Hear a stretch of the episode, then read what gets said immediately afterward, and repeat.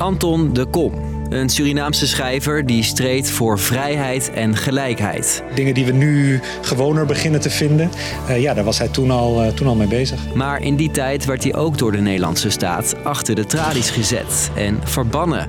Nu, jaren na zijn dood, komt het kabinet met eerherstel. Ik ben Steef en ik leg je uit wie Anton de Kom precies was en waarom eerherstel zo belangrijk is. Lang verhaal kort. Podcast van NOS op 3 en 3FM. Anton de Kom is een strijder die in Suriname is geboren na de afschaffing van de slavernij. Een belangrijk figuur in de Nederlandse geschiedenis. Hij was de schrijver van het eerste geschiedenisboek over Suriname door een Surinamer. Wij, slaven van Suriname. Strijder voor onafhankelijkheid en gelijke rechten. En verzetsheld tijdens de Tweede Wereldoorlog. In de oorlog schreef hij voor de ondergrondse pers. Wij wisten er niets van, mijn moeder en, en wij. Anton de Kom heeft veel op zijn naam staan.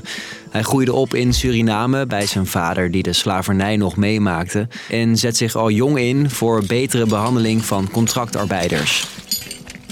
Op zijn 22e gaat hij naar Nederland, waar hij een gezin sticht met de Nederlandse Petronella Borsboom. En ook hier gaat hij door met de strijd voor gelijkheid. Hij schrijft voor linkse kranten, komt op voor onderbetaalde arbeiders en spreekt over het kolonialisme. Jaren later keert hij met het hele gezin terug naar Suriname. Slavernij was afgeschaft, maar er was nog steeds koloniale uitbuiting voor racisme. Uh, mensen werden gewoon niet eerlijk behandeld. Zegt Mitchell Essayas, oprichter van The Black Archives. Een archief vol boeken over die tijd. Anton de Kom wil wat doen tegen die uitbuiting waar Mitchell het over heeft. Hij start een adviesbureau om mensen die slecht worden behandeld als werknemer te helpen. Nou, goede zaak, zou je nu zeggen. Maar de Nederlandse inlichtingendienst ziet hem op dat moment juist als gevaar voor de staat.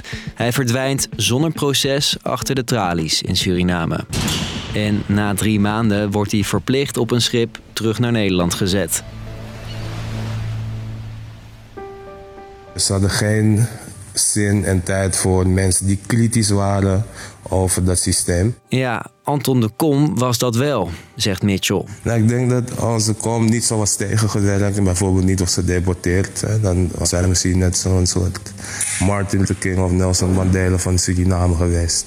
Dat er veel eerder sprake was geweest van onafhankelijkheid en vrijheid in Suriname. Want de Nederlandse staat deed er in Suriname alles aan om zijn protesten kop in te drukken, door hem onder meer te verbannen.